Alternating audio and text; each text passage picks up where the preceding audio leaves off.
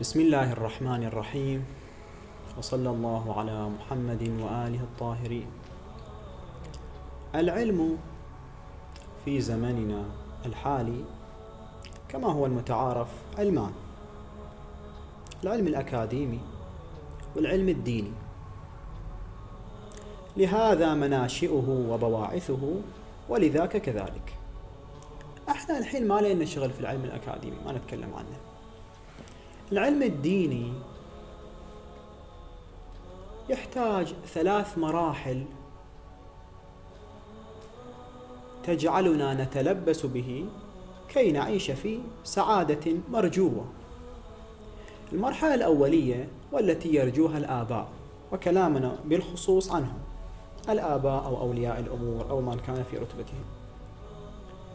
الأمر الأول أن يعرفوا ويعوا أهمية العلم الديني لهم ولأبنائهم. هذه المرحلة الأولية هي الممهدة للمرحلة الثانية اللي راح نذكرها. وإلا لو واحد ما يعرف قيمة العلم الديني ما راح ينجذب إليه. ما له أنا أروح؟ ما له أروح أتعلم أو أودي أولادي؟ يروحون يتعلمون في المعاهد والمدارس الدينية والمساجد وحلقات تعليم القرآن مفاهيم القرآن وحديث أهل البيت. أنا ما عندي تصور جيد عن مثل هذه العلوم. هذه المرحلة الأولية أن أنا أعرف قيمة هذه العلوم والمعارف. المرحلة الثانية إذا عرفت الحين أقوم أبعث الأبناء روحوا. لكن لما وصل لهالمرحلة بعثتهم سجلتهم دفعت فلوس. هذه بعد مرحلة عالية يمكن تكون. مو كل الناس يسوونها. يودي تعليم ديني يدفع فلوس. ممكن يسويها. لكن نقول واحد سواها. السؤال هل خرج من عهدة التكليف؟ خلاص. وش بعد يبغى أكثر من هذا؟ أولاده وداهم أماكن التعليم الديني. أو لا بقيت بعد مرحلة. وش هذه؟ ما بنذكرها إلا بعد ذكر رواية الإمام الحسين صلوات الله عليه. الإمام سيد الشهداء. صلوات الله عليه.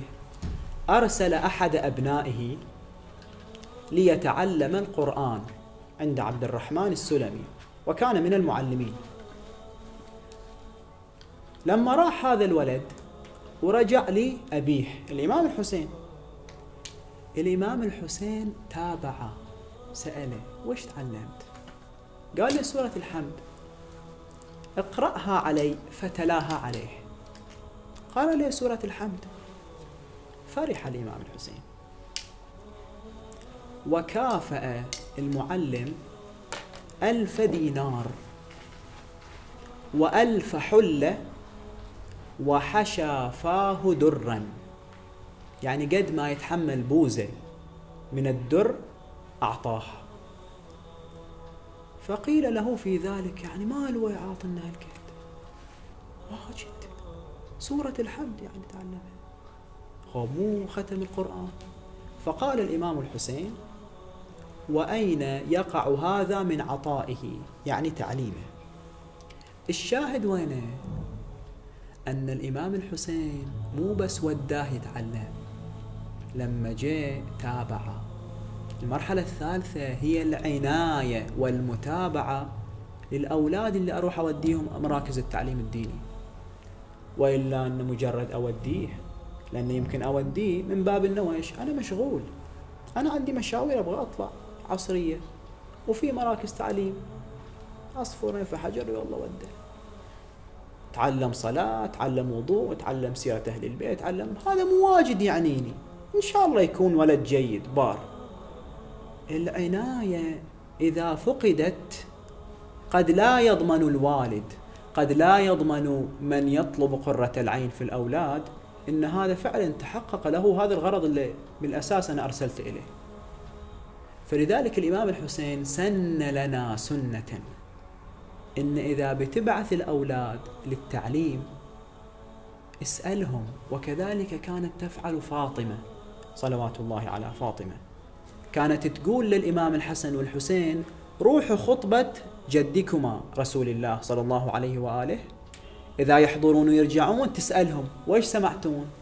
وإيش تعلمتون؟ فيقولون لها العناية أيها الإخوة الأحباب هي العنصر الثالث والذي به تكتمل المرحلة الكاملة اللي الواحد يبغى يوصل إليها في التعليم الديني. وإلا أن بس أنا أوديهم أو بس أن أنا أعرف أن التعليم الديني شيء مهم أو جيد. هذا يمكن ما حقق الغرض فلذلك كان الإمام الحسين صلوات الله عليه يعتني ويتابع هل تعلم أو لم يتعلم. الأمر الذي نذكره أخيرا الحين الإمام الحسين لما اختبره وجده ناجحا في الاختبار. شلون تعرف إن هذا ناجح أو لا؟ غير انت تكون أنت بعد تعرف. فإذا لم يكن الوالد أو ولي الأمر أو من يبعث بالأولاد للتعليم غير عالما إذا كان غير عالم بالعلم اللي الحين قاعد يسأل عنه. اولا هذه فشلة عيب. ثاني شيء ما تقدر تحقق هذا الغرض الثالث. تعتني به من أي باب؟ مال وين تجي تسأله؟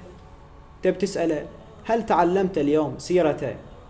موسى بن جعفر الكاظم عليه السلام يقول لك اي زين بتختبره الحين وش دراك أنت اللي يقوله صح؟ أنت ما تدري.